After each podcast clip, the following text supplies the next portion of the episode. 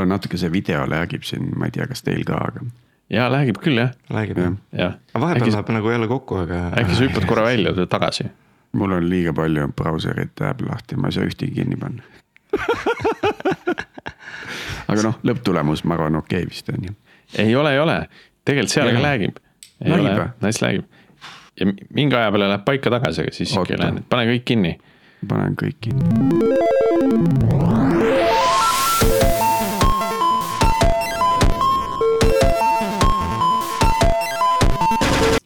Tere jälle Algorütmi kuulama, eetris on meie kahesaja kuueteistkümnes episood, mille toovad teieni Pipedrive, Nortal ja Veriff. mina olen Priit Liivak ja koos minuga täna Tiit Paananen ja Martin Kapp. selle episoodi me teeme nüüd siin äh, kolmekesi, sest on aasta lõpp ja me tähistame kõik siin, kes millega, eks ole. aga tähistame ja, ja räägime siis äh, omakeskis äh, kõigest sellest, mis aasta jooksul on juhtunud, ei vaata väga palju sellele peale, milliseid episoode me teinud oleme, sest seda te võite kõik ise vaatama minna. aga küll aga räägime sellest, mis äh, välja tuli meie kuulajaküsitlusest. et äh, mida tarka me sealt teada, teada saime ja, ja mida me siis võib-olla uuel aastal teistmoodi teeme. ja see oli meil nüüd tegelikult ametlikult teine kuulajaküsitlus, eks. ja see oli ametlikult teine jah, et äh, väga tahaks teha seda, et äh, tõesti nüüd poole aasta pärast teha uue. noh, su- või suvel viskaks uue välja. olekski ikkagi natukene nagu see, et et siis on ikka vaja mingit äppi, et saaks nagu jooksvalt nagu neid, nagu neid poliitikuid võiks jooksvalt nagu valida nagu pidevalt aa, ülesse ja alla, et et äh, oleks nagu mingi äh, skaala Nagu- kogu aeg et kuidas, kuidas kuidas läheb. läheb. rankingu süsteem, vaata, et siis, kui sa kukud nagu edetabelist välja, siis on vahetus. ja täpselt, et siis, siis kui ongi, et kui saatejuht läheb laisaks, et siis, siis NPS läheb alla, alla kolmekümne, siis paneme poe kinni. pumm kohe välja järgmine vend peale. Äh, nii, aga võib-olla hakkamegi siis äh, kohe nendest äh, numbritest pihta. Meil on selline huvitav statistika tuli välja ka nagu statistika poole pealt, siis mitte nagu nendest kuulajaküsitluse poole pealt. et, et enamik meie episoode saavad esimesel päeval umbes nelisada kuulamist. mis tähendab, et noh, kas, kas meil on nii palju siis neid subscriber eid, kellel kohe automaatselt see episood alla tõmmatakse või siis äh, nii palju nagu neid top fänne, kes äh, kohe esimesel päeval nagu kuulama tõttavad. oota, statistikas sulle läheb, kui mu i-, iPhone'i podcast äpp tõmbab nagu automaatselt alla, siis läheb juba kuulamisele kirja või? tead, sõltub, minu arust äh, ei lähe. okei okay,, väga hea. tähendab, sa pead kui, ikka kui sul, kuulama hakkama, aga vähemalt kui sul on subscription Jaa., sa näed kohe vähemalt, et tuli uus. kui sul on mingi random podcast'i äpp, siis ta tõenäoliselt läheb kuulamisena kirja.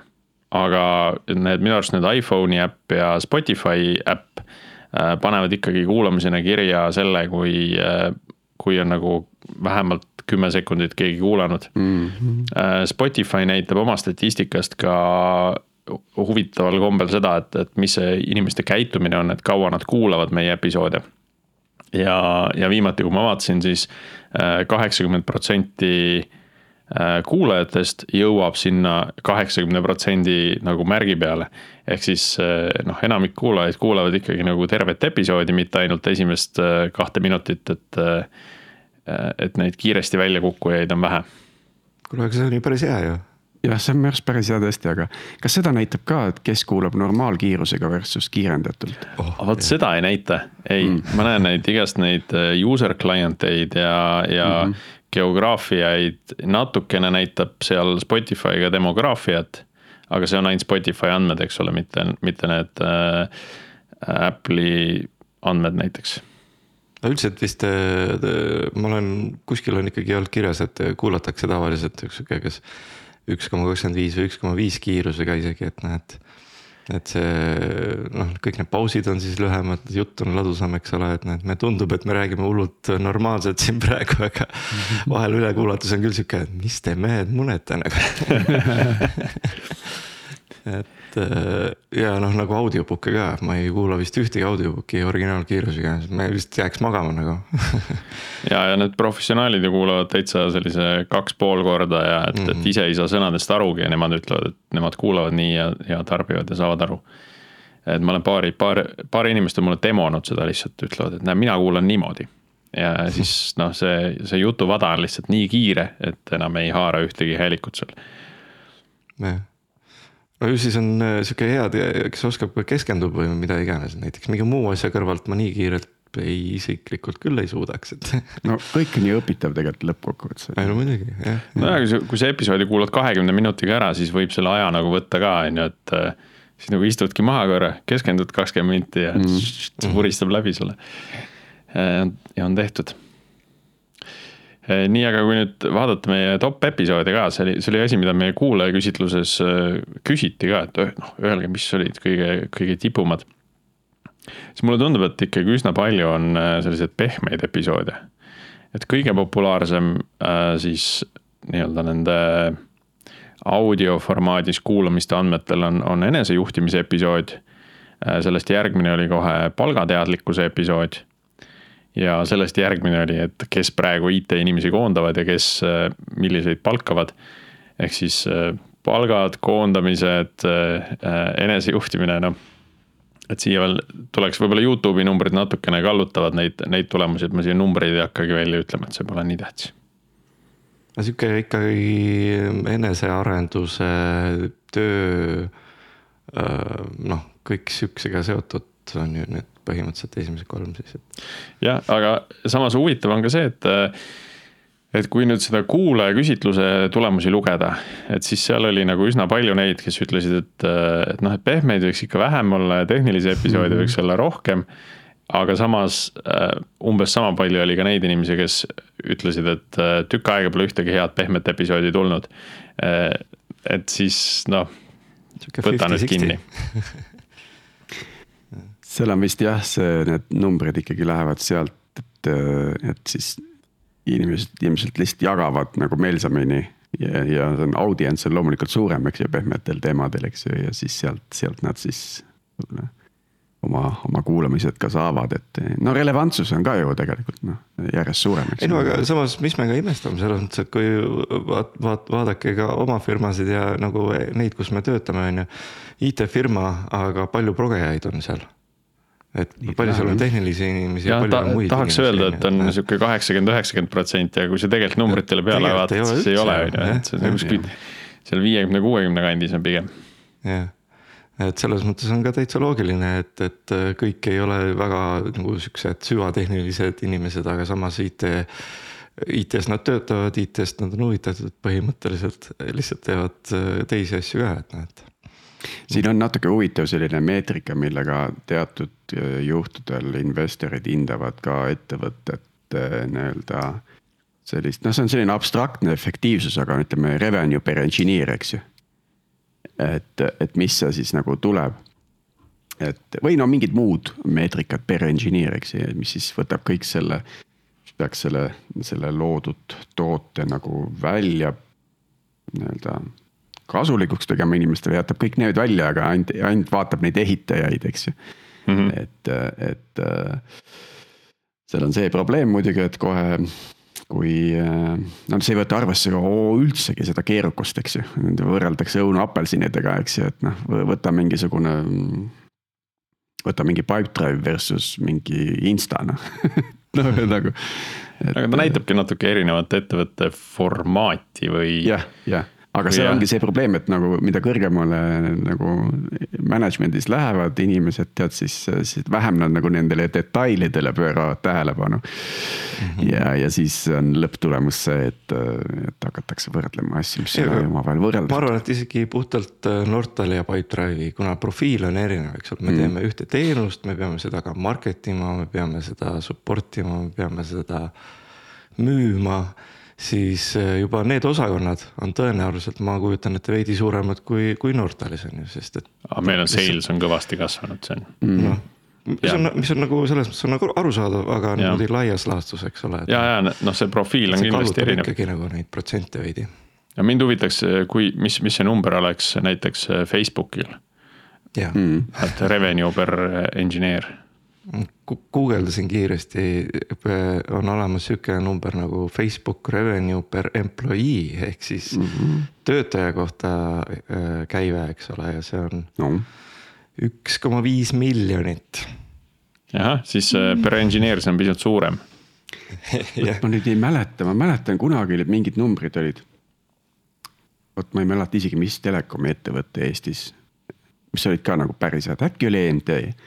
Et äh, kõik mahtusid ühte majja ära seal Valge tänaval ja. aga tegelikult numbrid olid päris korralikud. ja teenus no, töötab ja,. et okei okay,, Meta oli siin mingi hetk või noh, okei okay,, ütleme see kõigub, ma vaatan, leidsin ühe teise koha. natuke väiksem, üks koma kolmkümmend neli on ju. aga mis te arvate, mis on kõige esimene kaks tuhat kakskümmend kaks aasta statistika siis? rahvusvaheliselt või? jah, no alfabet äkki siis. Close ei, ei, alfabet on kolmas, on üks koma nelikümmend kaheksa.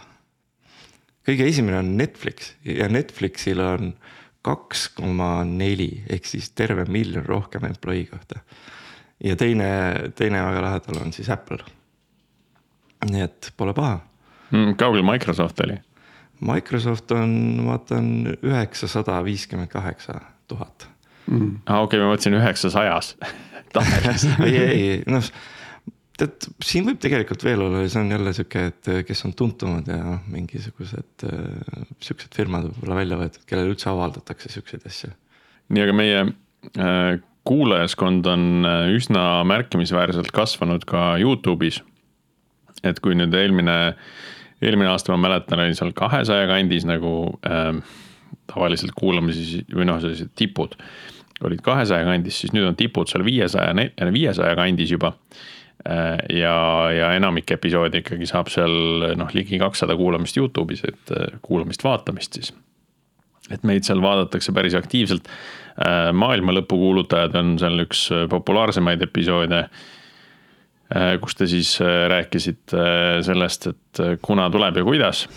ja, ja siis järgmine on, on Code Jõhvi, tõenäoliselt ka selle Code Jõhvi enda podcast'i pärast, mis mis on ka Youtube'is näiteks olemas, eks, ja nad on ka päris aktiivselt äh, äh, infot jagamas, et, et noh, ilmselt siis ka need uued huvilised, kes võib-olla tahaks koodi Jõhviga liituda, kuulavad ka, kuulavad ka meie episoodi, on ju. ja kui nüüd sinna kuulajaküsitluse tulemustesse hüpata, et siis äh, sealt tuli välja et, et viiskümmend üheksa protsenti kuulajatest äh, või siis vastajatest äh, kuulab kõiki või enamikke episoode et see on ka minu jaoks selline üllatav, et, et ma arvasin, et see number on võib-olla pisut väiksem. aga et suur osa kuulajatest ikkagi võtab iganädalaselt selle asja ette või siis ena, enamikel nädalatel ja kuulab need episoodid ära. By the way, ma tahtsin küsida, ma võin ise kõigepealt ära vastata, et kui palju te ise järgi kuulate episoode. ma pean tunnistama, et ma tegelikult ei kuula sisuliselt üldse. Äh, mina kuulan, sama tegelikult ikkagi harva ma kuulan neid, mida ma, kus ma ise ei osalenud. ja, ja tegelikult noh, töötlemise käigus nagu kuuleb ka nagu põhimõtteliselt selle episoodi No läbi, aga, aga seal on kuidagi teistmoodi, et, et seal ma ei kuula äh, nii-öelda algusest lõpuni yeah. nagu jooksvalt, noh, et kui keegi ikkagi räägib nagu kolmkümmend sekundit, siis ma lükkan nagu kõps, noh, selle mm. fraasi lõppu, et kuulata, kas, kas nagu mingid üleminekud ja äh, kui kellelgi on vaikne koht ja ma näen, et seal on mingi väike nagu spike, et siis ma kuulan, noh, mis asi see oli, et kas keegi nagu äh, naeris taustal või tegi nagu äh, laua peal kolistas midagi, et kas see on vaja maha tõmmata või mitte, on ju. et noh, see on teistmoodi kuulamine, on ju. Aga noh, see, see oli ka meie, ma arvan, üks, üks tagasiside, mis on tulnud, et see, et see heli kvaliteet on aeg-ajalt olnud kõikuv, siin vahepeal on ka seda äh, heliridade süngist välja minemise probleemi, mida Riverside on meile nagu tekitanud. Ja see on nagu freaking peavalu, et äh, kellelgi võtta see neli sekundit nagu vahelt ära ja siis nagu teisest kohast tagasi kompressida. äh, sageli saab, saab paika, mida rohkem paigal inimesed püsivad, seda lihtsam on isegi videos seda teha niimoodi, et äh, mitte keegi ei saa aru. et, et midagi juhtus, nii et kui te videos näete mingeid anomaaliaid, siis see on, siis see on selle tulemus, et ma olen üritanud midagi paika ajada. see on okei okay,, ma arvan, selles mõttes, et kes see, see põhiline on ikkagi, kuna meil on nagu podcast jutusaade põhimõtteliselt, siis ikkagi oluline on see, et seda oleks mugav kuulata, et ma arvan, et äh, aga siit on tegelikult vist, noh, me jõuame küll sinnani, et mis me oleme nagu siin see aasta teinud, aga su, kuidas sul on äh, kohanenud üldse selle, et sa just ütlesid, et sa ise lõikad neid ja teed ja? Ei, ma arvan, see töövoog on nagu päris hästi paika saanud, et äh, see mul juba hakkab käe sisse tulema, et see automatiseerimisega tegelen, võib-olla see on üks õppe, õppekoht, mida ma siis nagu täna olen äh, ette võtnud, et kuidas need äh, teated jõuaksid automaatselt Facebooki ja Discordi mm. -hmm. peab ütlema, et Discordiga on lihtne mingit bot'i teha ähm, või siis mingisugune auto, automatsiooniplatvorm sinna alla ka võtta kui, kui olla valmis kellelegi maksma nagu Zapierile, siis on ka lihtne. aga kui tahad nagu ise teha, siis asjad lähevad kohe nagu kordades keerulisemaks.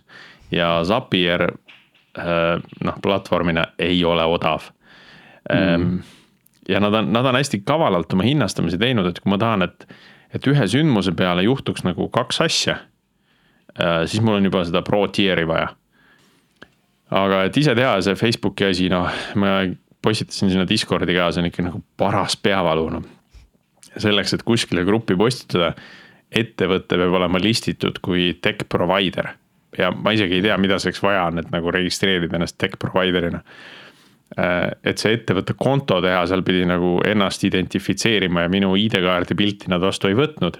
ütlesid proovi uuesti, noh mis, mis seal valesti siis oli, ma ei saanud midagi aru, et võtke Veriff kasutusele või midagi, et noh, et yeah. pange oma asjad tööle nagu, et miks ei tööta. et. mul tuleb meelde, et kunagi on, on Skype'i aegadel me kasutasime ka Facebooki API-sid, siis too hetk see ei tundunud hullult keeruline, aga samas sellest on nüüd nii palju möödas, et mis iganes tingimused siin võivad olla, et see. no et, ma saan ka neist aru, et neil on, neil on lihtsalt see koormus on nii tohutult suur. Et siis nad üritavad nagu streamline ida ennast ära, et sa nagu esimeste valikutena näed nagu noh, kõige tõenäolisemalt tehakse selliseid äppe, kas sa tahad ka teha Facebooki mängu, noh ja siis, kui sa sinna other option'is lähed, et siis need asjad lähevad nagu keerulisemaks, et siis äh,. siis seda nad enam ei oska väga hästi kasutajasõbralikuks teha. aga no seda on terve internet täis, kes ütlevad, et Facebooki API-d on äh, kohutav lihtsalt nii keeruliseks on tehtud asi. nii, ja kuidas siis viiekümne üheksale protsendile kuulajatest meie episoodid meeldivad?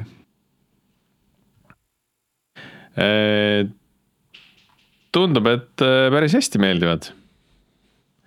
Äh, noh, kuidas võtta, et NPS-i skoori me mainisime, see on meil kuuskümmend kaks. Mm. see on suhteliselt kõrge. ikkagi nagu korralikult on rohelises, selle üle on ainult hea meel ja, ja mulle tundub, et ka nende teemade osas me oleme ikkagi päris hästi nagu tabanud naelapea pihta.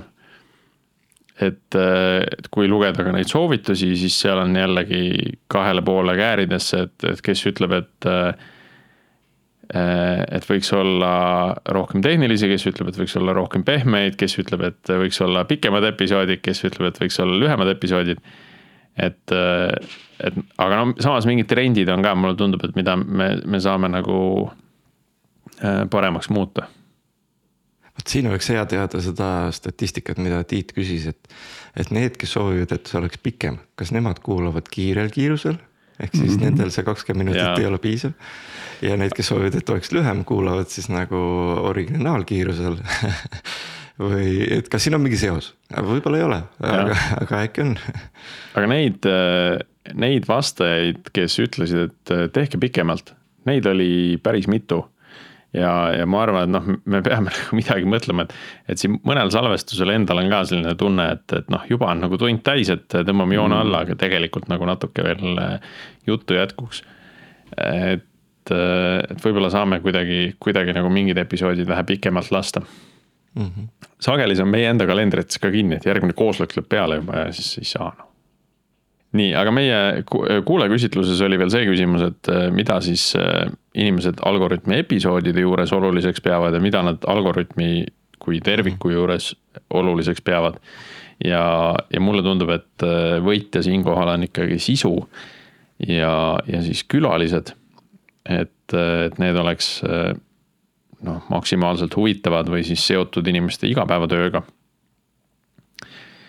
ja, ja see ja, ja tegelikult üsna oluline oli ka seesama helikvaliteet, mis siis tegelikult noh, mõningatel inimestel oli ta kolmandal kohal ja umbes sama paljudel inimestel see oli teisel kohal. Tiit, mis sul juhtus? Oksad, oksad on liiga laiali. kes meie videot vaatab, siis see, see näeb, et Tiidu läks veits lappama juba ära et seesama helikvaliteet on, on hästi oluline, aga ka tegelikult kõik või enamus vastajaid on ikkagi öelnud, et, et see põnev sisu ja teemad on, on kõige olulisem mm. -hmm aga huvitav, ma vaatan, siin on äh, selle, et äh, sihuke, sihukene punkt ka, eks ole, et äh, regulaarne iganädalane avaldamine. ja seda on kõige vähem valitud. Jah, see, et nagu meil iga huvitav. nädal tuleb välja see ja. episood ei olegi nii oluline kui see, et, äh, et mis see sisu on, eks et selles mõttes on loomulikult see on meie ka hea rutiin ja noh, sihuke hea tsükkel, vaata. aga et ütleme niimoodi ka, et võib-olla õppimine enda, endale, et meil ikkagi on olnud salvestusi, mis on nagu väga viimasel hetkel juhtunud et, et, et see võib-olla annab ka meile endale natukene sihukest noh, nagu mängimisruumi, et äkki ei pea neljapäeva hommikul tulema, vaid tuleb, ma ei tea, neljapäeva õhtul või no aga noh, see on sihuke libe tee, vaata. see on jah libe tee, ma ei teagi, kuidas seda nagu kommunikeerida nagu, sest on ikka neid inimesi ka, kes ikka ootavad neljapäeva hommikul seda mm -hmm. episoodi ja siis äh,.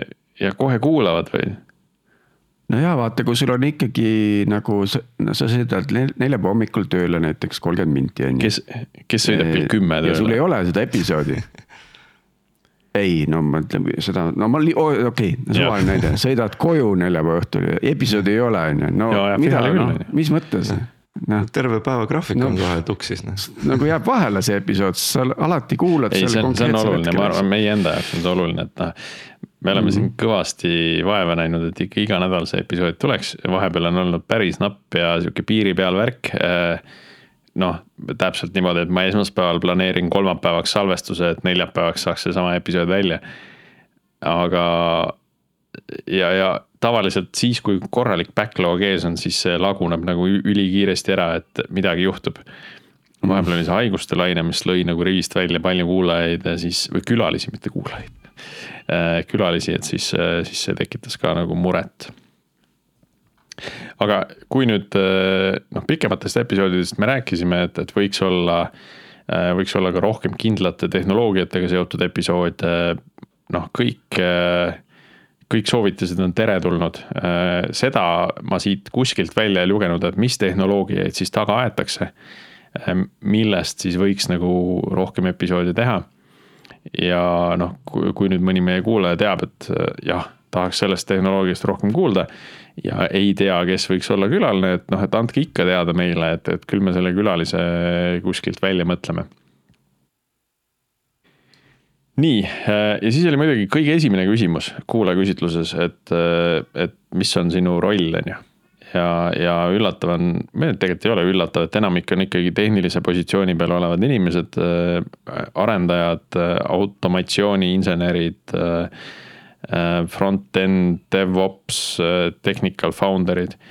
aga meil oli ka üks taksojuht ja, ja mõned õpilased äh, ja tehnoloogia entusiastid, et ei tea, kas see on mingi, ma, ma loodan, et see oli päris taksojuht, sest see on alati hea märk, kui mingisugune materjal jõuab taksojuhtideni, et siis me oleme nagu laia, laia põhja saavutanud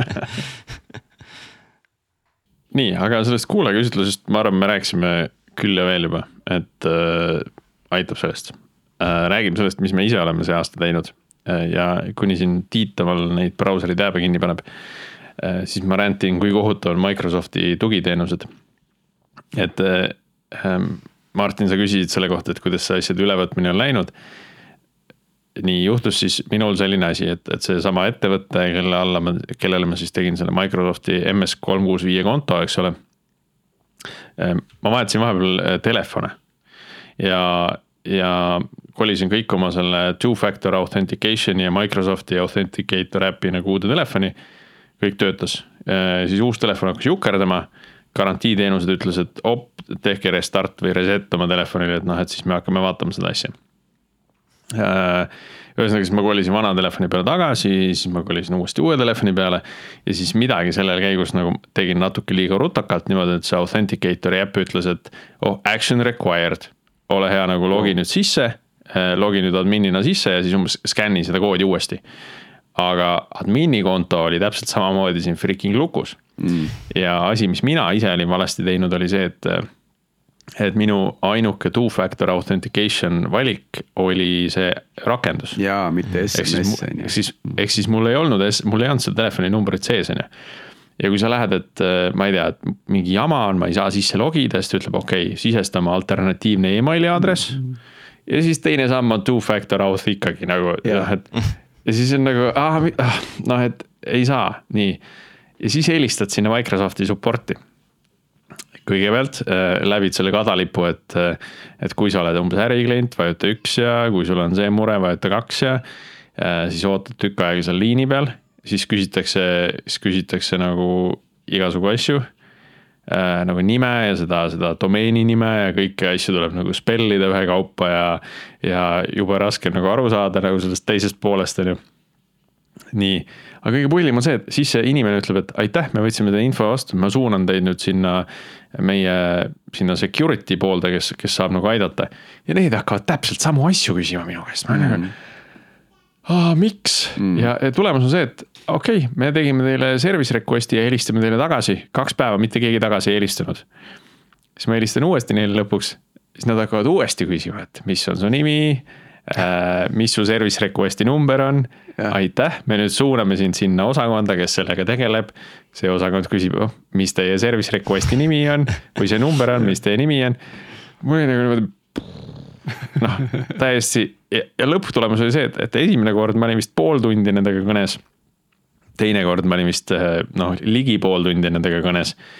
Eh, sellest veel ei piisanud, keegi ikka tagasi ei helistanud. Eh, kolmandas kõnes siis tõdeti, et see, see support engineer, kellele minu case oli suunatud oli vist vahepeal puhkusele läinud või ei tegelenud sellega, nii et mu, mu juhtum nagu siis tõsteti teisele insenerile üle ja, ja siis neljandal korral mul nagu õnnestus päriselt mingi inimene saada, kes nagu, kes, kes ütles, et jaa, ma helistan tagasi, ma ütlesin, et noh, et oled kindel, et helistad tagasi mul on nagu veidi mingi, mingisugune nagu kogemus, et hästi ei helistata tagasi. juba arvasin, et äkki, äkki mu number on valesti, ma ei tea nagu noh, ja ei tööta noh.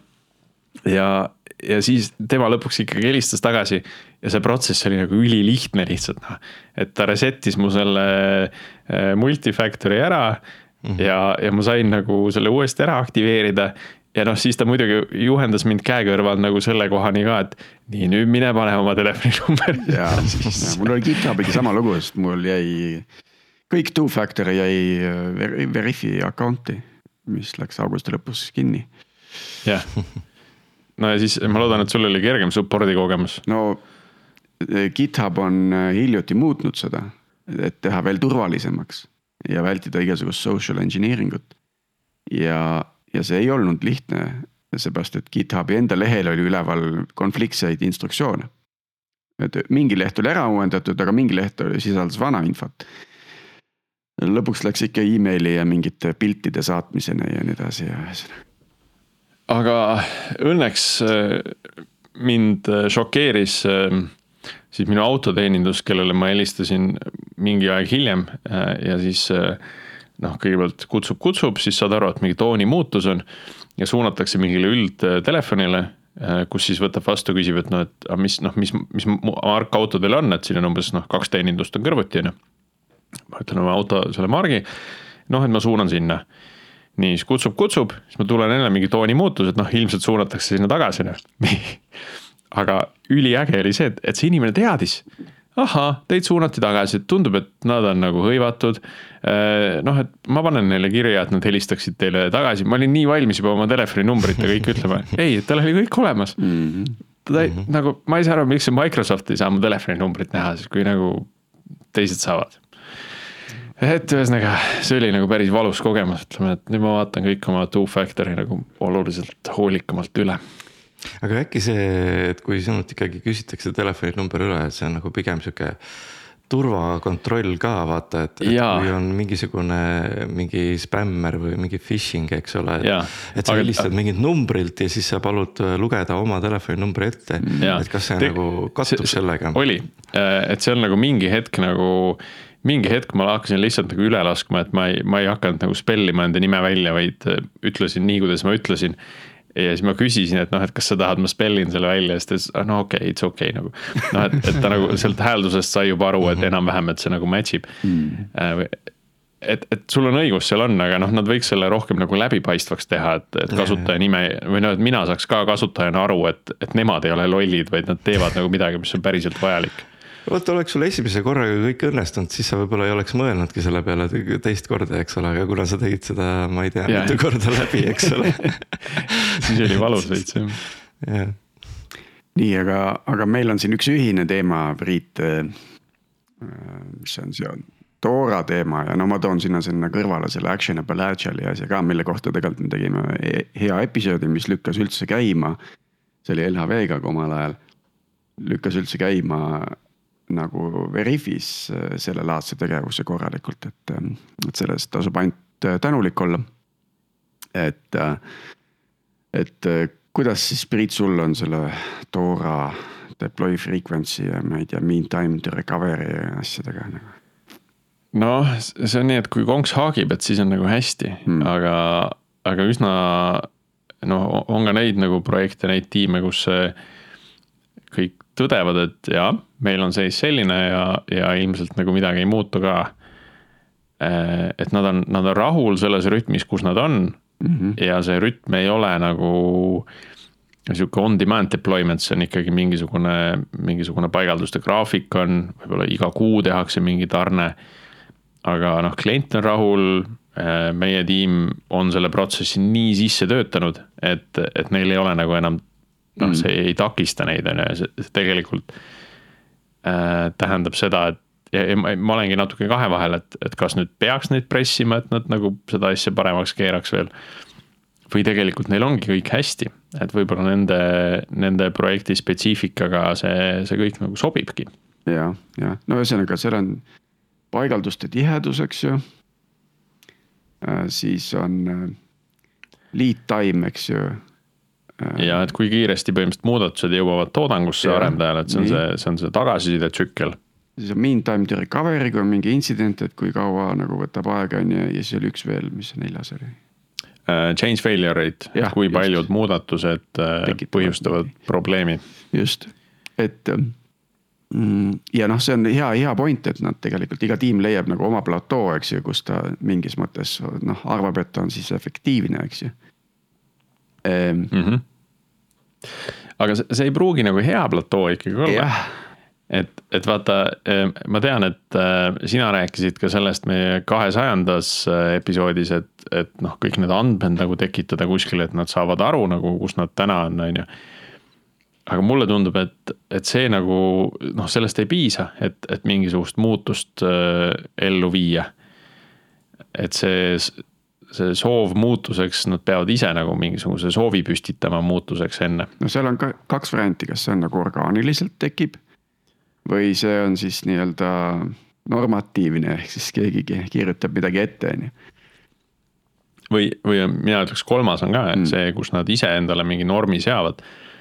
nojah, see on suund siis orgaaniline, et noh, põhimõtteliselt nad Jah, ise vaatavad okay. et lähme muudame, tead seda, et meil on jah, aga noh, see, see, see suund nagu mina tahaks seda natukene võib-olla süstemaatilisemaks ajada Mm. selles mõttes, et. et kuigi äh, see Accelerate'i organisatsioon ütleb ja ja Dora nii-öelda autorid ütlevad, et eesmärke ei tohiks seada, sest arendajad hakkavad neid asju, neid numbreid kiiresti game ima, et, et nende eesmärkideni jõuda. siis, siis minu enda tunnetus on, et äh, et Nortalis ja ma arvan tegelikult ka väga paljudes e- teistes Eesti ettevõtetes, see ei ole probleem. et see on võib-olla probleem sul mingis Accenture'is, kus sul on, kus sul on kakssada arendajat nagu Indiast ja, ja, ja mingid arendajad kuskil veel allhangitud, on ju. kellel on mingisugune finantsiline huvi nagu seda asja game ida mm. -hmm. aga tegelikult, kui sul on nagu tiim, kes on pühendunud selle toote või selle lahenduse peale. Noh, siis võib-olla on just hea, kuna see, kui see tiim ise ütleb, et, et me et mitte, et me tahaks olla seal, aga me tahaks enda äh, deployment frequency't parandada mm., noh, et nad valivad nagu ühe target'i välja. Äh, mille suunas nad liiguvad. et, et see on nüüd nagu asi, millega ma tahaks nagu äh, tegeleda, et tiimid iseendale mingisuguse eesmärgi püstitaks.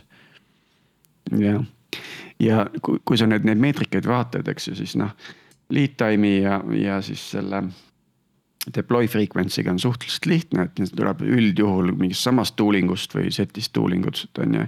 aga meantime to recovery ja change failure rate, et need nagu nõuavad mingeid nagu eri, eri tooling'u data korreleerimist, eks ju, et kuidas. noh, see oli see, millega ma tegelesin lõpuosas Veriffis kõvasti, eks ju, et tegelikult annab ikka nagu seda korrelatsiooni seal tekitada, see peab ikka väga distsiplineeritud selline no igast naming convention'id ja identifier'id ja asjad, eks ju, peavad jooksma nagu läbi, on ju. et, et ja siis ikkagi, ikkagi on seal mingisugune kasutusjuht või sihuke use case nii-öelda.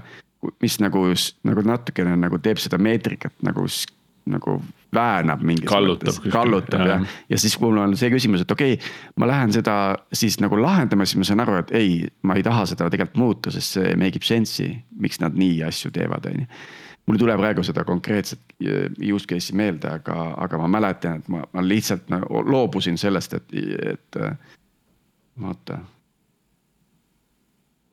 ja see oli, see oli vist äh,, midagi oli ikkagi deployment ite juures see oli natukene see mingi Canary deployment'i meetrika korreleerimine, et noh. vaata, et sul on nagu mingid event'id on ju, aga noh, nad ei ole, ei ole sama kaaluga võrreldes teiste event idega, et kui keegi mm -hmm. reliisib Canary'na, siis see tähendab hoopis midagi muud versus see. nii-öelda noh, mean time to recovery, change failure rate, asjad lähevad kohe nagu out of the box, ei, ei make'i üldse sense'i enam, eks ju, et. tead, mulle tundub, et, et äh, peab ikka nagu üsna suur olema Äh, selleks, et äh, seda asja nagu päris automaatseks äh, pressida. ja, ja väga-väga pikalt saab sellise manuaalse distsiplineeritud protsessiga mm. hakkama. et kui võtta, et sa teed, sa teed sada tarnet mingi perioodi jooksul, kui sa teed sada tarnet kuus, on juba päris hea. see on üle kolme tarne nagu päevas. nii sa teed sada tarnet ja kui sa ütled, et, et see change failure rate on alla viie protsendi mm ja siis tähendab, et noh, sul on nagu viis juhtumit, mis tegelikult vajaks nagu dokumenteerimist. et, et noh, et mõni arendaja nagu päriselt kuskile selle käsitsi selle korrelatsiooni teeks ära, et. et millisest muudatusest see, see failure tuli ja kui kaua see asi nagu lahendamiseks aega võttis, on ju.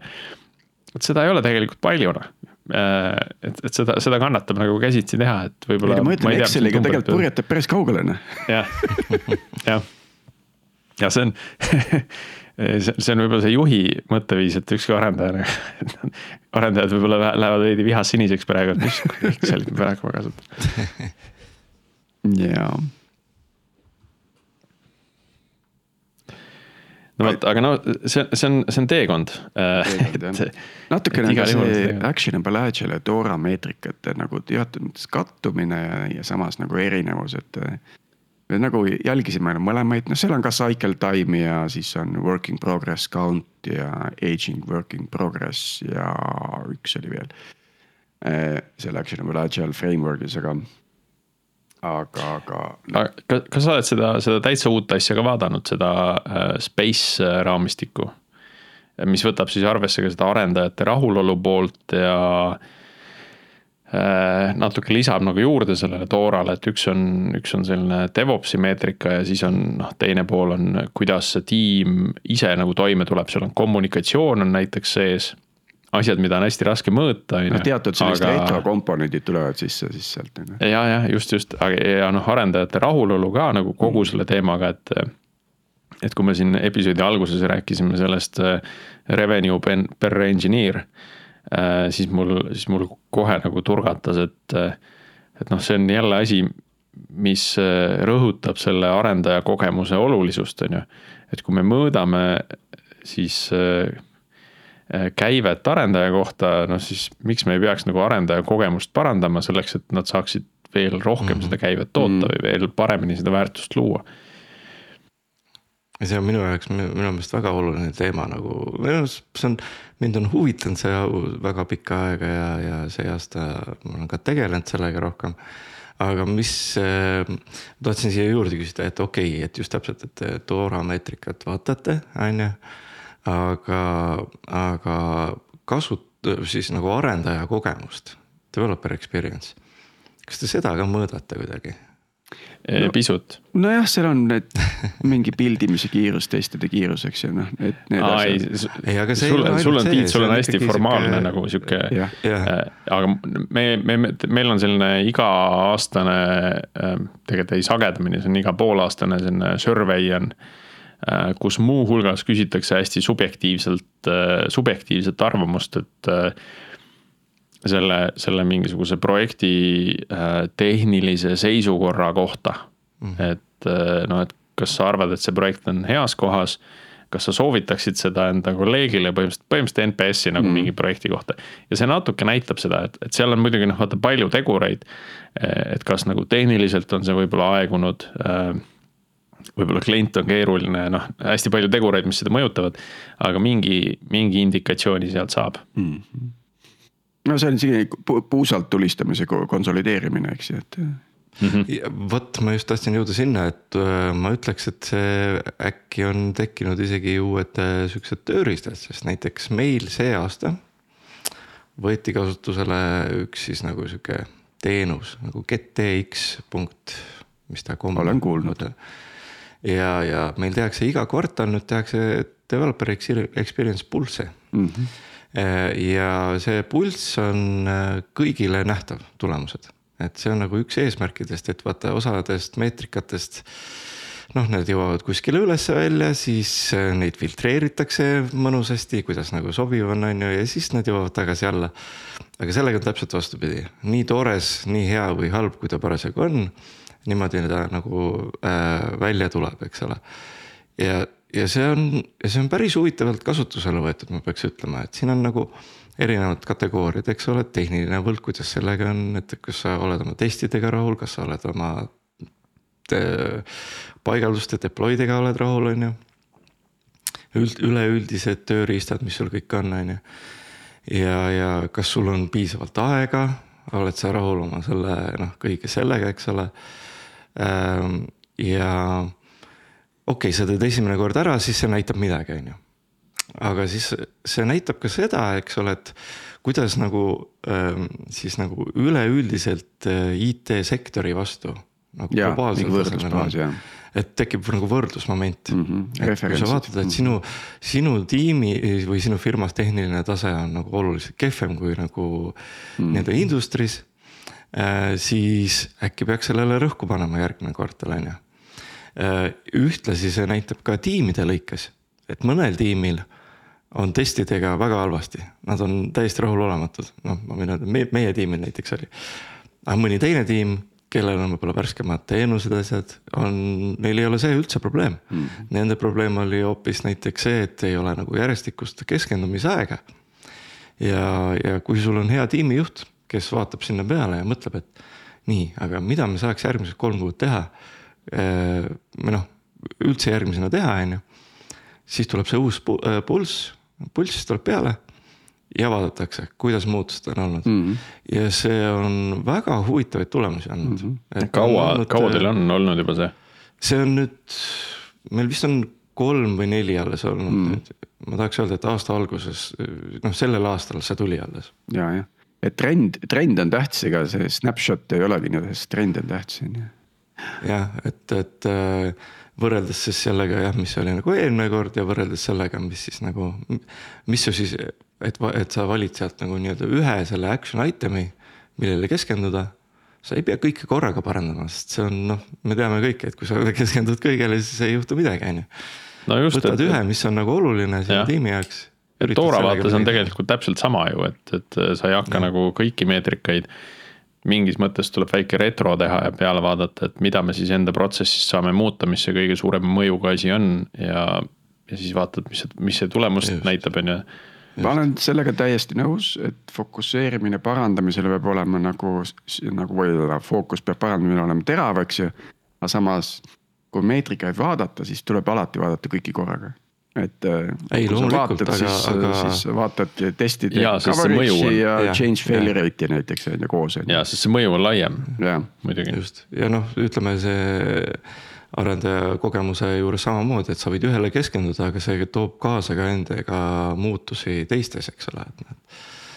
et äh, samas mõni võib ka halvemaks minna, et kui sa keskendud ainult testide parandamisele siis sa vaatad, et oh, mu mingisugune üleüldine nagu mingi rahulolu töö, tööga jah, on, on kukkunud Jah. sest et kes viitsib nagu kolm kuud järjest ainult teste parandada, on ju.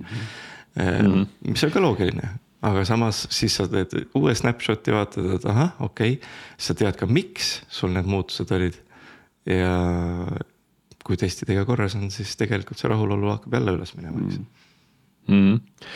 rääkides äh, rahulolust äh, tööga, siis me jõuame ühe, ühe tööriistani, mida ma meie show notes ides ka näen, et GitHubi Copiloti kasutamise kogemused ja, ja ka võib-olla chat GPT kasutamise kogemused just nagu arenduse juures. et, et see on ka täna selline asi, kus, kus mulle tundub, et, et see parandab väga olulisel määral just arendaja kogemust tänu sellele, et ta ei pea seda kümmet testi nii-öelda äh, käsitsi boilerplate'ina kirjutama.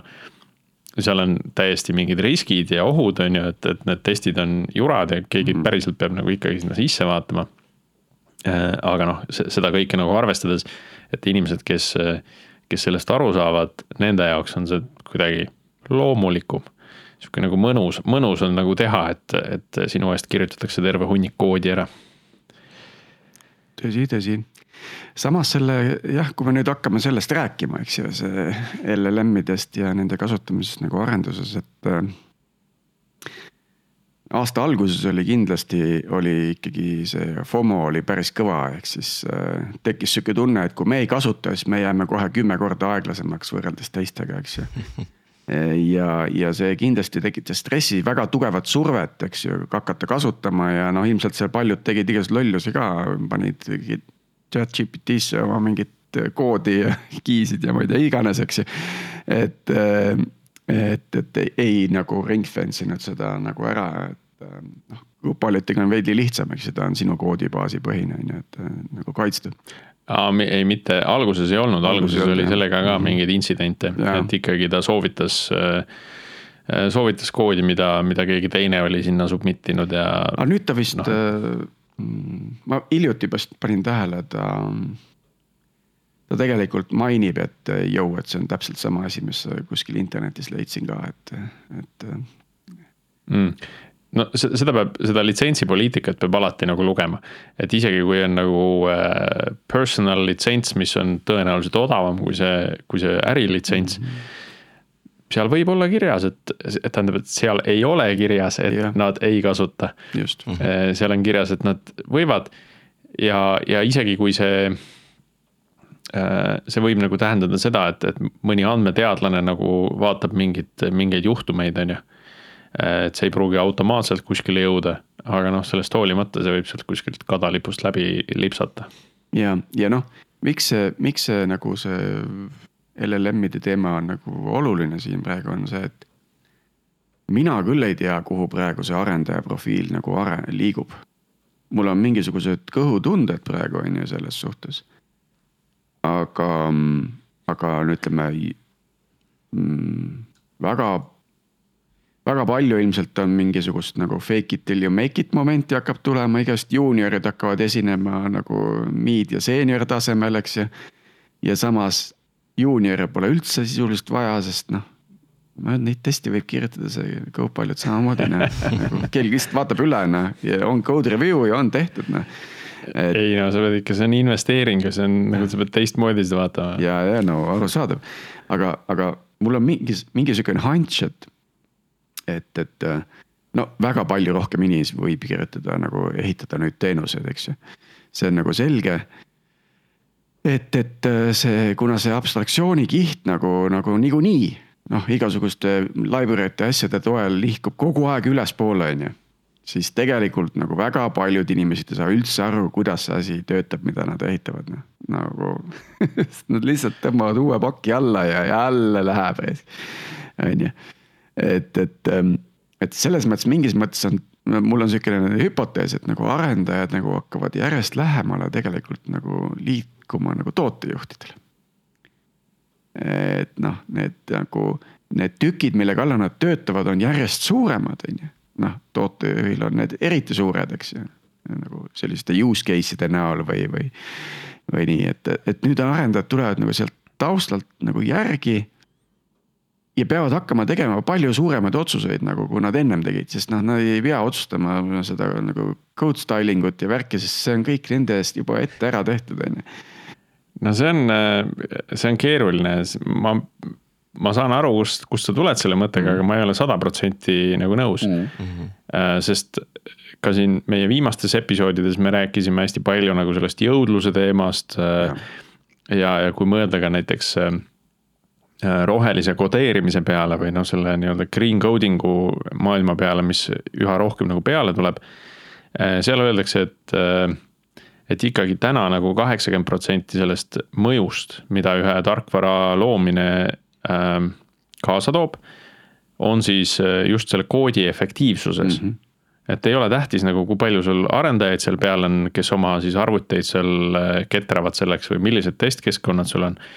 Aga ikkagi see, seesama noh, koodi efektiivsus, kui see on nigel Äh, siis, äh, siis sa kaotad nagu palju rohkem või kulutad palju rohkem ressurssi selle tarkvara jooksutamisel mm. tänu sellele.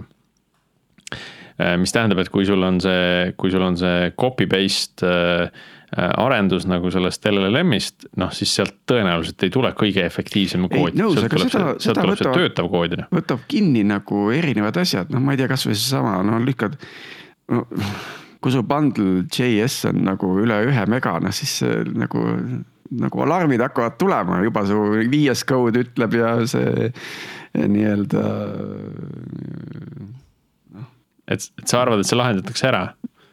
ma arvan küll, selles mõttes, et ma arvan, et see areng tähendab see areng, kui head koodi, kui efektiivset koodi kirjutab LLM, on kiirem kui meie õpi, õpikõver nagu, ühesõnaga see juhtub kiiremini. See ei ole, sellest ei tule probleem Martin, sina panid ka chat GPT enda sellesse äh, kogemuslisti, et mis, mis kokkupuude sul, mis sa sellest rääkida tahtsid? no see on nagu võib-olla lihtsalt üks teema, eks ole, et, et samamoodi sai nagu katsetatud seda. aga, aga noh, ma ei tea, mis need järgmised sammud on, eks ole, arengus, eks ole, seal chat GPT arengus, aga. aga ma hetkel ka pigem nagu noh ma nagu nii, nii väga Tiidu väidet, väitega praegu veel nõus ikkagi ei ole, et noh, et see chat GPT võib sind aidata õppida, mulle tundub. see on nagu pigem selles osas on ta, on ta tõesti väga kasulik tööriist.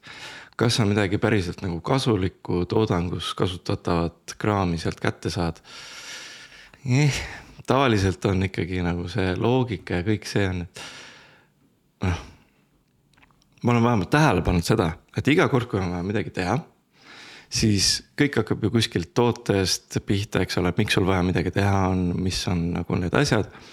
aga iga toode on ikkagi tegelikult üritab mingit nii-öelda nagu seda eripära omada, mis tähendab seda, et väga raske on enamus juhtudel äh, kopeerida kuskilt lihtsalt mingit koodi et sa, sul on mingi sarnane loogika, mida võib chat GPT aidata sul luua. aga sa pead olema üsna kriitiline selles osas ja selleks, et aru saada, kas see chat GPT tegi sulle midagi mõistlikku. sa ei saagi olla nagu tegelikult juunior tasemel, võib-olla isegi mitte mid tasemel. ja, ju väga hea point, mis tähendabki et, seda, et, et, äh, et äh, nagu noh, ega see vist ei olnud üllatus varem ka, et meil on nagu oluliselt rohkem vaja nagu senior taseme venti no just kes selle asja kõik läbi loevad, kood kirjutatakse kuskil nagu, kuskil yeah. millegi või kellegi poolt. aga, aga need vennad peavad Jah. hakkama seda nagu läbi lugema. et see chat GPT on üks nagu tore juunior arendaja, kes Jah. teeb parasjagu vigu sisse, eks ole, ja, ja ei oska suurelt mõelda mm. -hmm. mis on võib-olla nagu okei okay,, eks ole. ja, ja kui sa kasutad seda chat GPT-d just selle eesmärgiga, et õppida võib-olla mingit uut trikki, mingit mehhanismi ähm,. sul on mingi võõras library või võib-olla või võõras mingisugune tööriist kohe käsureal, eks ole küsi muidugi selle käest kohe Jah., sest, et internetis äh, ajasääst on ikka mega. kõiki lehti läbi käia ei ole, ei ole just efektiivsem no selles mina olen mõttes. just märganud seda, siin on kaks äh, nagu sarnast probleemi, et tegelikult no ütleme, Copilot on veidi tublim. seepärast, et äh, ta on kuidagi rohkem current. ja nüüd on IntelliJail on äh, mingi oma tööriist väljas mis äh, meie Discordi andmetel ei ole üldse veel küps Okei. äh, ega, ega Copilotiga võrreldav. ja, neil on vist litsentsiga ka mingisugused mm., et väidetavalt ei saa nagu seda, seda litsentsi noh, osta nagu väikesele hulgale arendajatest mm.. ehk siis, kui meie vaatasime äh, siis, siis see arendaja, kes seda vaatas, ütles, et ta saaks selle aktiveerida kogu Nortalile. aga mitte nii, et, et ta tahab nagu enda viiese tiimiga nagu testida seda ja et see aktiveerida kogu Nortalile, noh siis see on nagu räme kallis, et see peab ikka väga hea olema, me peame noh, tahaks nagu enne testida, et see töötab, on ju. aga üks asi, mis, mi, mi, noh, mis jälle ilmselt ei tule kellelegi üllatusena, aga ma ei tea, kas sellega päriselt fokusseeritult tegeletakse, on siis in-chat learning. et no ei ole vaja mulle kolmandat korda seda valelahendust pakkuda, noh. no ja, ja, päriselt noh, ma olen öelnud sulle no, see ei tööta. ma vaatasin dokumentatsioonist järgi, nad tegid API-s muudatuse, nüüd on uutmoodi on vaja see kuradi moodul laadida noh. ja no aga, ikka- aga ta, ta ei suuda selle ühe konteksti raames isegi sellest aru saada no.. no ma ütlen talle, et jõu, nojah, dude, ja siis ta tuleb ikka sama. tuleb ikka sama noh, nagu esa mm., nagu Ähm, jah, jah, keegi kuskil, kuskil kirjutas ka seda, et, et, et tal see konteksti taju on nagu erinev, et ta vist mm. paremini jätab meelde oh,. mida, seda, mis ta ise on kirjutanud, kui seda, mis sina talle oled kirjutanud. ja ongi, ja, ja, ja. aga ma arvan, see aga no muutub, see jah, ma usun ka, et see muutub ja, ja ilmselt ta läheb nagu paremaks, eks ole. aga, aga noh, selles mõttes, et kuidas see chat GPT üleüldiselt välja lõi, on muidugi päris nagu äge. mul üks töökaaslane ütles chat GPT kohta hästi, eks ole, et põhimõtteliselt, et chat GPT on see, mis Google oleks võinud olla, et Google Search mm. noh, et sa küsid lihtsalt tema käest midagi ja siis ta vastab sulle. see, mida sa teada tahtsid. et mõnes mõttes jumala äge mõtlemine, et, et kui Google Search või ütleme, kui ta oleks sama ajakohane kui Google Search, eks ole. siis, siis ma tõenäoliselt võib-olla tõesti otsiks ainult chat GPT mm. kaudu mingeid asju. ja ta võiks vähem jutukas ka olla siis, et tahaks nagu aga ta vahepeal muide küsib, et jõu, kumba varianti sa eelistad, et ma tahan õppida Aa, tõesti? ja, ja ta küsib, et nagu- siin on üks äh, selgitus, mis on siis nagu siukene rohkem nagu sihuke lakoonilisem ja teine on mm -hmm. siis nagu selline marketingi see tekstiga mm. -hmm. jah, siis ta valid sealt nagu, et kumma võtad. mm. -hmm. Mis on ka päris Nice. äge, selles mõttes ta võiks mulle kiirkokkuvõtte teha ja siis yeah. ma tahan, et explain more, ütled, et. kuule, aga mis sellest arvata, et nüüd see Gemini tuli ja, ja nüüd see on mingi multimodal mode, eks ju, et noh, nagu see, see introduction video oli fake, ma sain aru, aga olete vaadanud sinna? jah, see oli, see oli jah fake. aga no tead, see ei olnud nagu kaugel mm.. selles mõttes, et, et kui nii põgusalt, kui ma lugesin, mis seal fake oli, oli pigem see nagu response, response aeg oli fake, on ju. ja see, et ta ei suutnud töödelda otse videot, vaid talle anti ette mingid kaadrid videost, on ju noh, ilmselt sellesama response aja pärast on ju, et, et see vastus ei tule seal nagu alla sekundiga, vaid see võtab nagu kauem aega. no ma ei tea, selles mõttes ta nagu töötab, on ju, ta on lihtsalt aeglane. jaa, no see on ka jälle asi, mis ilmselt äh, nii tehnoloogia, riistvara kui ka paremate mudelite ja algoritmidega läheb kiiremaks, eks ole. Mm -hmm. muidugi Aga jah noh., Google ise nagu presenteeris seda umbes nii, et äh, jõu, maailm pöörleb teistpidi, olete tähele pannud no see on Google'i lähenemine. Ei saa jah, kõike võtta esimest versiooni. meelest kõigil nendel suurtel, et kui tuleb mingi uus asi välja, no see ongi äge mm., aga see ei ole kaugeltki see, mis ta nagu. see on, see on nagu see Tesla tegi või mitte, jah, Tesla need robotid või Elon Musk'i robotid, et, temal tuli ju samamoodi, et et aa, mis mõttes, noh, ma teen ise see robot, et see ei ole midagi nii keerulist ja siis üsna kiiresti avastas, et et, et nüüd selliseid mootoreid ja, ja sensoreid, mida kõike vaja on, selliseid asju keegi ei tooda. nii et sa pead ise hakkama juba nagu neid asju tootma, on ju. Mis on nagu päris jõhker juba, et sa pead hakkama mingit, mingit mootorit tootma selleks, et mingit järgmist, ta lootis ka, et ta võtab nagu lihtsalt riiulilt mm -hmm. nagu kõik töötavad asjad ja, ja paneb targasti kokku ja siis saab hea asja. ja no, kui täna seda. algoritmi kuulanud, et kõik need, eh, kus me oleme robotitest ja nägemisest nägenud, masinnägemisest, et siis kõik teevad ju ise vaata mingeid asju. et, et kõik need noh, mulle tundub, kõik need suured on natukene eh, enda selle, selle posti peal nagu seisavad ja arvavad, et ah oh,, siin ei ole midagi teha, ma teen ise kõik paremini ja, ja hästi ja siis. ja siis, kui täna ka seda Tesla robotit vaadata, noh okei okay,, nad on päris kaugele jõudnud tõesti, aga, aga noh, ta, ta ei ole täna parem kui see Boston Dynamicsi mm. oma on ju, et nad noh. võib-olla nad ühel hetkel lähevad mööda. ja Jaapanis on aga... üldse mingeid kraame, millest me üldse midagi ei tea ja keegi teab Jaapani kraamist midagi kuulge, aga veel LLM-idest rääkides, et ähm, millal siis Apple tuleb? enda asjaga mm., ei tea, neil, neil on nii palju nagu neid raudu tules äh, täna isegi. Äh, kogu see VR-i teema. Äh, keegi kuskil hästi rääkis sellest, et, et kui kaua läheb Apple'il aega, et asju nagu hästi ja õigesti teha. Et siis see keskmine on selline kolm-neli iteratsiooni, ehk siis noh, kui nad selle VR setiga tulid välja, siis siis noh, täna see maksab, mis kolm pool tuhat, keegi pole nagu Hullud, hästi vähesed on nagu seda päriselt näinud ja katsetanud, on ju. et, et see tähendab, et siin peab veel nagu kolm reliisi tulema sellest, sellest peaseadmest, et siis me saame nagu selle päris, päris asjani, mis on laiapõhjaliselt kasutatav ja äge mm. -hmm. Aga selles mõttes, et ma arvan, et Apple'il on oma LLM kusagil jookseb, eks ole, et noh, et. Siri on juba ju ammusest ajast meil siin äh, taskus olnud, eks ole äh,, ja noh.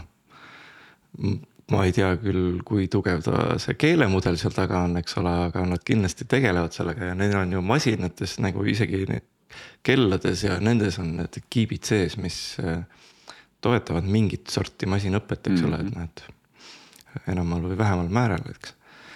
et äh, lihtsalt nad ei ole jah, võib-olla avalikustanud, et kõigile kasutuseks seda. aga, aga ma olen päris kindel, et äh, neil kuskil midagi tiksub. ma olen ka kindel ja, tõenäoliselt ja see. ma tahaks tegelikult Svea Koppelit äh, saada meile episoodi, kes on Siiri kvaliteedijuht Apple'is. et äh, siit väljakutse mulle nüüd ära rääkida et võib-olla saab, no aga tead selle, nende, nende episoodidega on jälle nagu meil Amazoniga läks omal ajal jah, jah. no nüüd me oleme targemad ja oskame paremini ette valmistada. ei no aga teeme episoodi ära, meie meeles. õpime sellest ja siis teised ei kuule lihtsalt. ja, ja aga, aga see episood on inimestel siiani meeles, et minu arust isegi kuulajaküsitluses keegi vastas, et, et see on nagu, see on nagu üks paremaid episoode, äh, mis oli, sest et noh, seda ei ole enam nagu, et see, see on nagu nii salajane värk. ma tahtsin ühest asjast veel rääkida, et, et mis on nagu mind, mulle endale äh, valmistanud palju põnevust ja, ja sellist nagu, nagu uutmoodi, et vaatan nagu asjadele Äh, ma olen vist mitu korda maininud seda, et mul on see visioon, et inimesed, kes töötavad nii-öelda, nii-öelda kontoris, eks ju. siis neil, neil on nagu suhtlus, eks ju. ja siis neil dokumendid. Noh, on igast tööriistu ka, eks ju, aga nad tööriistades loovad ka neid dokumente sisuliselt, eks ju, mingisuguseid akte, mingisuguseid äh, nii-öelda. käivad mingid flow sid läbi ja nii edasi, nii. ja minu siis no ja, ja sina siis nagu loojana, selle kontori töötajana, sa siis loodki seda kommunikatsiooni ja neid dokumente. ja minu see väide on see, et me tulevikus hakkame looma teenuseid, mis suhtlevad omavahel. Jaa, et sihuke low code, See isegi- low code, kusjuures- no code teema, see no see, see alguses mulle tundus, et see on nagu low code, no code teema. a la teen Zapperiga siin ühte-teist ja tead noh, siis vaatan sinna mingisuguse Microsoftist mingisuguse, mis need olid, need mingid uh, automation. Power apps'id. Power apps'id, värgid on, teen seda on ju. aga nüüd ma tunnen isegi nagu natukene nagu vaatan sellele teistmoodi otsa, kui ma tutvusin nagu selle AWS-i Amplify'ga. Mis on nagu selline täiesti serverless full stack äh, rakendusplatvorm, eks ju. ja nüüd ma saan, näen siin hoopis mingit uut sellist võimalust, on ju, ja ma näen seda võimalust sellepärast, et. et seesama trend toimus mobiilirakendustega ja koos App Store'ide tulekuga nagu selline mingi viisteist kuni seitseteist aastat tagasi, on ju. kus äkki oli kõigil võimalus midagi teha ja nagu jõuda väga paljude inimesteni, see maksis küll väga palju raha neile nii-öelda revenue'st kolmkümmend prossa, mis Apple võttis, on ju. siiamaani võtab. siiamaani võtab, eks ju mm. -hmm. aga, kas aga see, neil ei olnud mingit kohtuasja, kus see vähendati või? Mm. no Google'iga oli just mingi teema, et, et kolmkümmend protsenti vähendati vist kahekümne kuue peale. ahah, noh, slava bogu. no ühesõnaga, võetaksegi palju raha ära, aga sul on siiski võimalus nagu turule saada, on ju. Ja siis eda- edasi on juba reitingud ja marketing on ju, et sa saad lihtsalt, sul on access terminalidesse. ja, ja mulle tundub, et nende teenustega hakkab toimuma sama asi, eriti kui sa teed neid nii-öelda, noh, see äpp ei küsi sult mingit raha, eks ju, kui ta kuskil inimese selles äh, terminalis on, eks ju. sama on tegelikult teenusega, mis on puhtalt serverless'i peale loodud, on ju et kui sa nüüd nagu ehitad neid teenuseid kuus ühe, on ju, sul on kogu infrastruktuur on valmis alati. Sa lihtsalt vahetad natukene seda JavaScripti koodi seal oma failides sisuliselt, on ju. aga sul on kõik authentication'id, payments'id, kõik, kõik on integreeritud, on ju. ja siis kogu asi jookseb selle serverless'i peal, mis tähendab seda, et kui traffic ut ei ole, see on null kulu. ainult maksad deployment ite ja CI eest põhimõtteliselt, on ju. aga se- selle taustal mulle tundub, et äkki siis ka hakkab selline mikromaksete teema nagu sinna äh, tarbija mm. Toodetesse jõudma, noh nagu ma ei tea, AWS-il või Google'il on, et Jah. nad, nad hinnastavadki minutipõhiselt, on ju, palju sa seda, seda mingit virtukat kasutad jah, ja sa kannad selle siis üle ka- siis kliendile, paned sinna oma väikse Jah, profit'i jah. vahele ja kannad selle kliendile üle. ja sa muutud ülikonkurentsivõimeliseks. kõik igasugused subscription'id kaotavad põhimõtteliselt öö, mõtte, eks ju. Et sa ei pea mingit keerulist mudelit Mhm. välja mõtlema, sa mõtled äh, keerulise hinnastamise välja, millest, millest klient aru ei saa siis ta kuu lõpus saab mingi arve. no on, on ju. põhimõtteliselt ei no aga nii töötab ju ka, ka telekom Jah.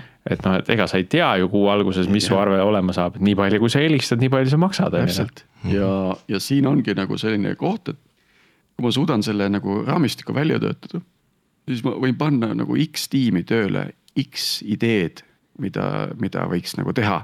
ja mingi nendest lendab, on ju. ja kogu see asi on bootstrap itud, sellepärast et noh, nagu kuskilt mingi vaikselt hakkab tiksuma mingi asi, on ju, ja siis teed kogu aeg uusi asju peale, noh. et ühesõnaga ma mõtlen praegu seda kontseptsiooni välja, see on päris huvitav ja põnev koht nagu see olla Äh, jah, kas, kas sa Tiit tööd ka otsid? Äh, ei, mul on plaanid olemas, praegu ei Ah. otsi, et ei, ma mõtlesin, et noh, et kas, kas sul ongi see praegu see mõtlemise aeg, et sa oled nagu jalad seina peal ja, ja mõtiskled nende huvitavate teemade peale. aeg üldse noh ei ole jalad üldse seina peal. aga ühesõnaga jah, palju on ise, ise koodi kirjutamist ja, ja infrastruktuuri nagu õppimist ja. ja siis on. Martin hakkas ka koodi kirjutama ise vist. kuule jaa, et see aasta alguses äh, läksin tagasi oma nende baastööriistade juurde, ehk siis äh, progemise juurde ja, ja väga mõnus aasta on olnud, peab ütlema. et kui siin vahepeal on olnud äh, juhi positsioone rohkem, eks ole, siis, siis nüüd on, ütleme, et teistmoodi juhtimine, kui sa ikkagi oled sihuke nagu noh, sihuke vanem progeja, siis ega sa ainult sellega ju nagunii ei piirdu, eks ole, et noh, mingisugused firmaülesed projektid ja asjad tuleb ikkagi sel-, antakse ikkagi sellistele inimestele. aga see on okei okay., see on nagu teistmoodi, et see ei ole sihuke inimeste juhtimine, vaid sihuke võib-olla natukene nagu tehniline. no sa lähed ikkagi oma sisuga, eks ju, ja noh, siis on see, kui hästi suudad teisi mõjutada sellega, eks ju, et see on see sinu skill'i küsimus. et, et, et ähm, jaa, mul väga-väga tore on aasta olnud, olnud selles mõttes, et. Et olen, on siin saanud tehtud, kuna me tegeleme see aasta front-end'i arendajate siis nagu kasutajakogemuse parandamisega, siis ähm,. esiteks on ju vaja teha uuringuid, millised uued tööriistad üldse on olemas, mida inimesed eelistavad mida on mõttekas kasutada, mis on piisavalt efektiivsed, sobilikud meie jaoks, nii et äh, et, et äh, kõike on saanud tehtud siin, et natukene uurimust selles vallas, mis oli silmi avav ja pärast seda, selle uuringu põhjal siis tööle hakata, mis, mis saab nagu mõnusam olla, et kui. ma provokatiivse karvapalli viskan sulle, tead.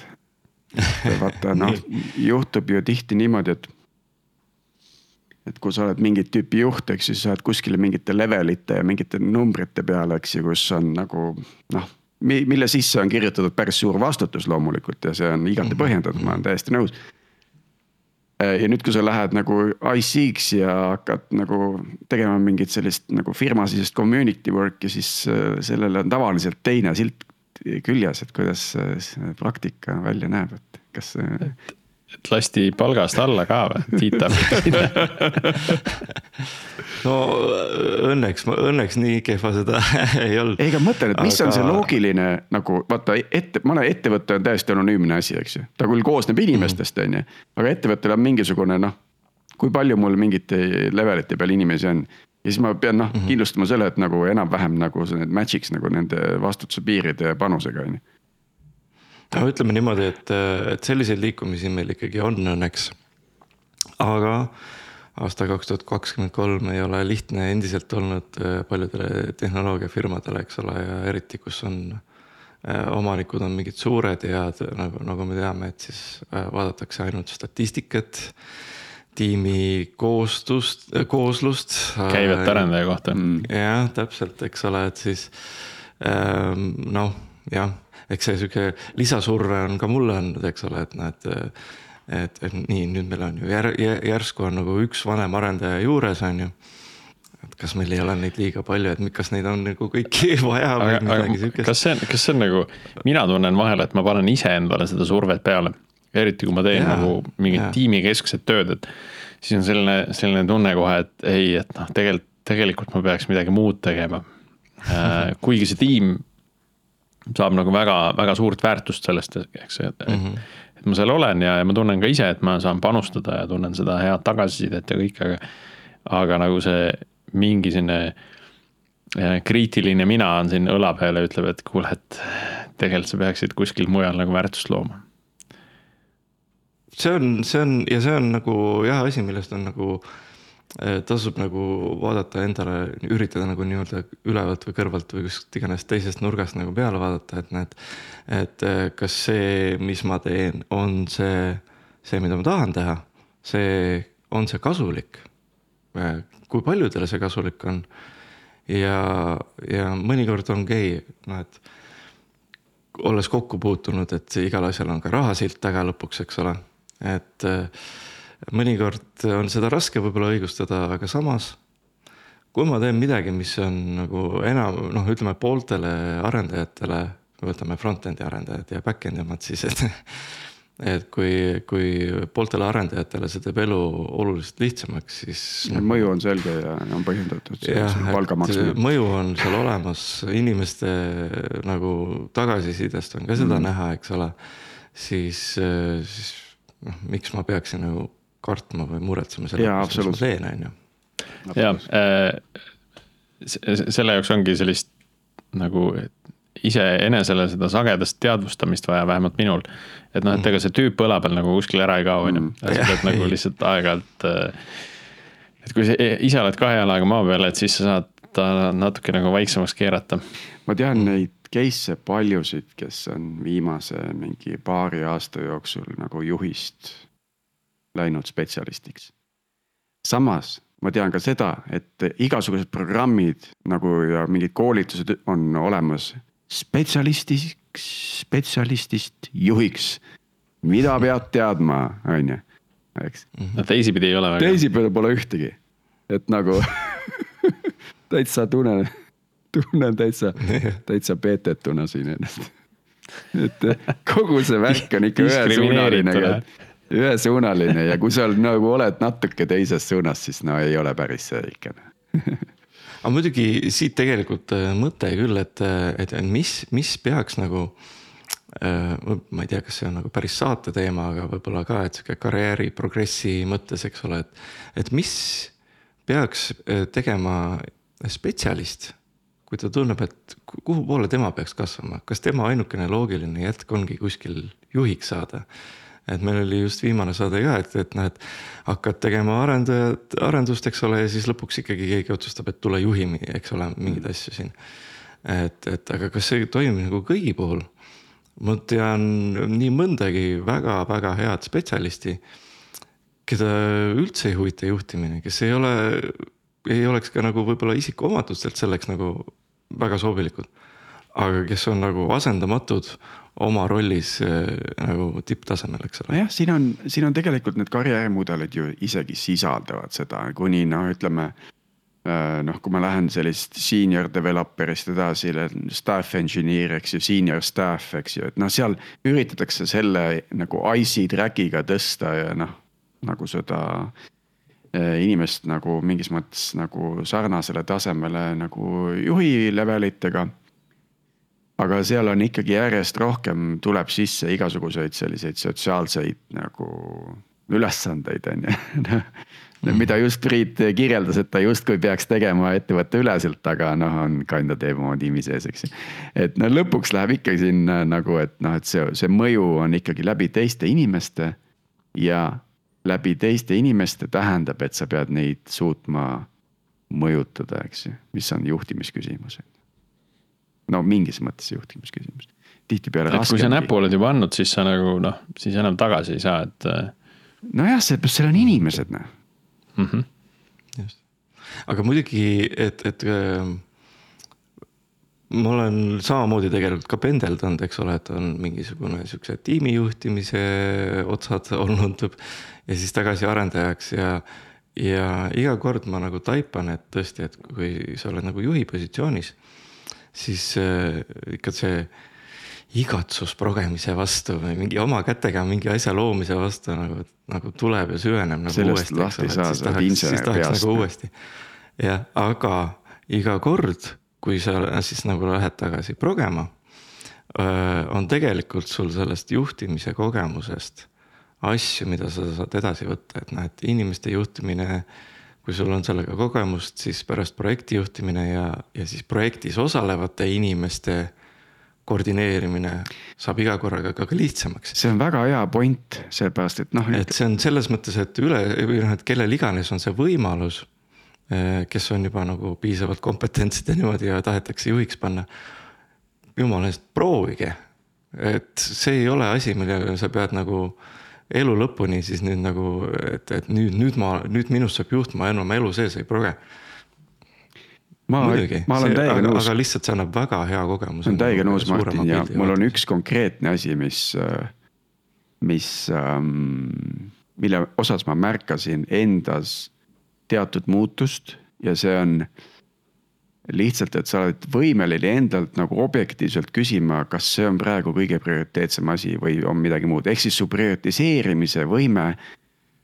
kui sa oled juht, kellel on nagu suhteliselt killustunud äh, graafik ja vähe aega ja, ja seda kõik, enamus agendat dikteerivad teised, mitte sa ise.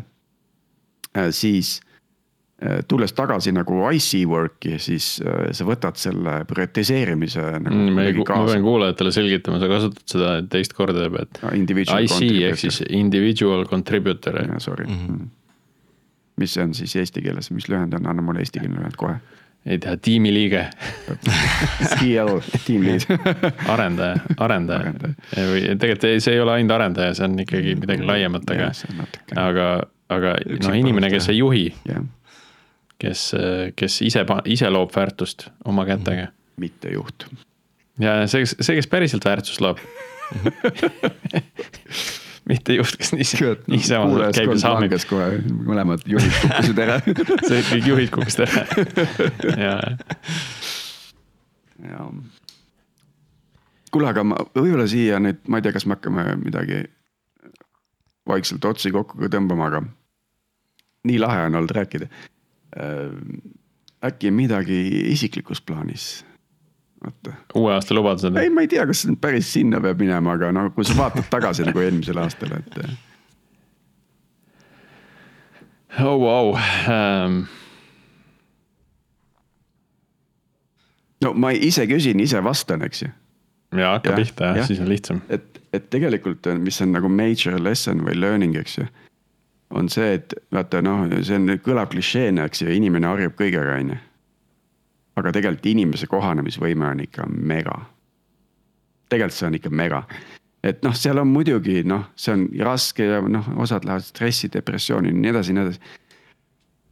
aga ma vaatan tagasi, siis ähm, selle üle on muidugi ka väga hea meel, eks ju, et noh, see, ma näen seda nagu sellist nagu kohanemist kõigi nende raskustega, mis on, ma ei tea, ettevõtted, tiimid läbi käinud, nii edasi. see on ikka hats off nagu ikkagi vaid nagu laialt levinud on see kohanemisvõime, mis on tore, võib-olla see ka eraldab mingis mõttes ettevõtteid ja inimesi nagu. terad sõkaldest. terad sõkaldest teatud mõttes, eks ju. aga ma arvan, et noh, võib-olla see üks selline äh, soovitus siin on, et kui nüüd on midagi sellist, mis paneb sind reageerima, siis korra mõtle, kas sa kujutad ennast ette kohanema selle olukorraga mm. -hmm. jäi veidi krüptiliseks või, see Priit, et täiesti äh,. jäi küll jah ja. Aga e, e, võib-olla pisut jäi jah mm, -hmm. aga noh, samas. no igaüks teeb siit oma tõlg... järeldused ise. jah, tõlgendamise ruumi on palju. sest see oli ikkagi piisavalt hea sihuke mõttetera jah, et kuidas sa parasjagu oled, et näed, kohanemise, kohanemine tööga, kohanemine üleüldse. kõigega, jah. firmade eluga, jah, et mm. -hmm. No minu mõttel on võib-olla see äh, õppimiskoht, mis on mingi äh, jäänud eelmisest aastast kummitama, on, on see, et Äh, aeglasemalt liikudes ei liigu sa alati aeglasemalt, et vahel nagu, kui sa võtad nagu aja maha ja liigud ka aeglasemalt, siis äh, sa avastad, et noh, tegelikult läheb päris hästi. et see on võib-olla minu enda kogemus nagu sellest, kuidas ma siis kuuekümne protsendi peale enda koormuse kruttisin. ja tunnen, et noh, see võib olla ka kaheksakümmend protsenti, et ma nagu noh, panustan kaheksakümne eest, mitte nagu tundide mõttes aga see väärtusloome on umbes kaheksakümne peal. sellepärast, et äh, ma võib-olla mõtlen rohkem läbi, mida ma teen, kuna ma teen äh, ja. ja, tegelikult see, ma olen fokusseeritum sellel ajal, kui ma, kui, kui ma seda teen. et, äh, et see aeglasemalt liikumine alati ei tähenda seda, et päriselt minnakse aeglasemalt edasi, noh ka tegelikult ju tootearenduses võib nagu samamoodi mõelda, et, et et sa võid nagu võtta hetki maha, et äh, teeme väikse uuringu ette, ärme hakka kohe nagu mingit AB testimist, ärme hakka kohe arendama. Äh, natuke mõtleme nagu, et kas seda on vaja üldse arendada. Ja, ja tulemus on see, et sa võib-olla jõuad paremasse kohta. ei tea jah, palju tänapäeval inimesed nagu Eesti vanasõnu teavad no nagu tasa ja targu. üheksa korda mööda, üks kord lõika ja no edasi, eks ju. Jah, aga ma ei teagi, mis, mis see uusaasta plaanidest, ma mõtlen seda, et, et, et kuidagi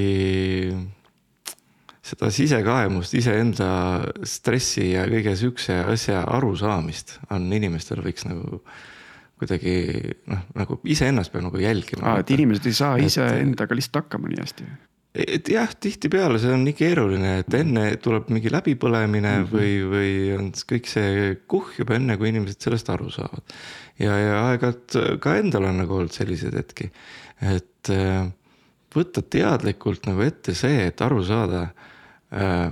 mis mu nagu siis nii-öelda stressitase või pingetase on, sellepärast et see mõnes mõttes on seotud noh, nagu sarnane, mis Priit ütles, et okei okay,, sa vähendasid kuuekümne peale aga sul vabanes tänu sellele hoopis nagu noh, tead, see on mingi, mingi, sa andsid nelikümmend protsenti pinget ära. nii et selles Jah. mõttes, et see kuuskümmend protsenti on palju efektiivsem. ja, jah, Ja ma andsin nelikümmend protsenti pinget ära ja samas ainult kakskümmend protsenti produktiivsust. just, et, et selles mõttes äh, peab tõesti võtma see, et äh, ähm, noh, tihtipeale on nagu võimalus IT-s sellist asja teha, aga et, et kui sa oled tööl, sa tunned, et asjad ei liigu. mine poolest päevast ära, mine koju, tee lõunauinak. enne kui, kellel on lapsed, enne kui lapsed koju tulevad, puhka hetke, et see, et siukse nagu siukse vaimse näidik, mõõdiku, näidiku nõela mingisugune hoidmine õiges kohas sellest, et. et nagu teadvustada iseendale aeg-ajalt seda, et et kuidas sul läheb nagu, et ega, kas sa oled nagu. Kas lihtsalt on raske koht nagu tööl, rasked ülesanded. või sind pidurdab hoopis mingi muu asi, et siis nagu tee paus, võta mingi kaks vaba päeva, mine metsa jalutama, mis Jah. iganes, jalad seina peale. jah. et, et. see on introspektiiv. natukene, et Jaa., et aru saada nagu, kus, kus hetkel oled, et natukene jah, rohkem sihuke eneseteadlikkust äh, teadlikult teha. et see tavaliselt juhtub siis vaata, kui on juba nagu, on midagi käes. aga, aga et jah, et harjutada iseendale seda, et äh, et ma kardan, et see on ka mingi post forty hormones nagu. võib-olla, võib-olla.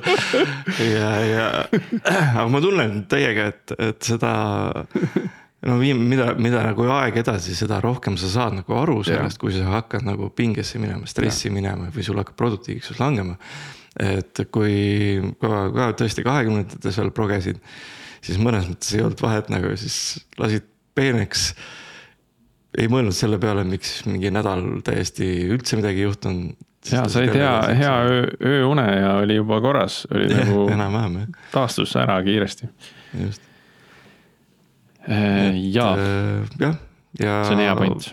et mingisugused, kes teab, me võime ka oma teemadesse võtta siukseid asju, et veel, et ja me noh, me peame äh, näiteks juba selle tõttu, et äh, enesejuhtimine oli meie eelmise aasta ikka üks populaarsemaid episoode kuule, aga kas see nüüd sellega seoses võiks ikkagi. no see jah, ei ole enesejuhtimine, aga põhimõtteliselt nagu enese. no me rääkisime seal seotult, üks teine hästi popp episood oli see keskastme juhtide läbipõlemine mm,, mis me tegime Raimo Ülaverega, et, et noh, et see, see oli väga, mulle väga meeldis seda episoodi teha ja tegelikult kuulajad ka kiitsid mm -hmm. seda. äkki peaks ikkagi natukene nüüd mõtlema ka selle peale, et meie nagu enda seda väikest vorstipidu siin nagu lahendada nagu ära, et. et äh, äkki järgmine aasta leiame mõne naissaatejuhi naissaatejuhi, Hmm. poleks paha eesmärk tegelikult. Äh, ei oleks, keegi teab äh, häid ideid äh, pakkuda, siis, siis pange aga teele meile. sest noh, ütleme ikkagi peab värskendama seda värki sinna Mhm. tegelikult. kas, kas sa ise mõtled nagu veidi nagu eemale ei, ei, ei, ma tahan lihtsalt nagu, nagu, ta lihtsalt nagu et oleks Veidi- mingisugust ja, jah, supi mahasamaks see- saada. selles mõttes ju, et Kubernetese episoodides, eks ole, oli meil korduvkülaline iseenesest ka, ka väga huvitav äh, vaheldus, eks ole. Et tõesti, et äh, võib-olla mingisugune sari või mingi, mingi asi mõelda järgmiseks aastaks, ehk siis see on nüüd siis meie algoritmi sihuke nagu planeerimise hetk, eks ole. et kui tuleb veel mingisugune mõte mingisugust sarja teha, eks ole, et siis miks mitte võtta nagu külalissaatejuhina selleks sarjaks, terveks sarjaks, mitte ja ainult üheks tead, ma arvan, et aga- hoopis lihtsam oleks teha sellist pehme, pehmete teemade sarja. See Kubernetese sari, noh, me oleme, ma lootsin, et see läheb palju kergemini. tegelikult need on head episoodid olnud, aga nende asjade kokkusaamine on olnud nagu, on olnud äh, raske. võrreldes äh, ükskõik millise teise episoodiga, kus, kus inimesed on, on valmis ise nagu tulema, et tahaks oma ettevõtte tegemistest nagu rääkida. Ja üks huvitav äh, asi, mis sealt kuulajaküsitlusest veel välja tuli. mulle meeldib, me jõuame algusesse tagasi, et äh, me siin läksime vahepeal nagu isiklikele radadele ja nüüd lõpetame seal al alguses Äh, on see, et me täidame nagu teatud viisil ka sellist restardist jäänud lünka. et äh, kui, kui inimesed, inimesed ei saa enam restarti kuulata, siis võib-olla meie saame olla need äh, startup lugude kandjad ka. et et küll me tahame jääda truuks enda algtõdedele ja jääda sinna tehnoloogilise maailma poolde. aga, aga et, et rääkida ka neid lugusid, et millega siis uued tulijad tegelevad, et mõningal määral on seda juhtunud. me oleme saanud siin mitmetest huvitavatest ettevõtetest rääkida, kellest ma isegi midagi kuulnud ei olnud, aga, aga me kindlasti teeme seda veel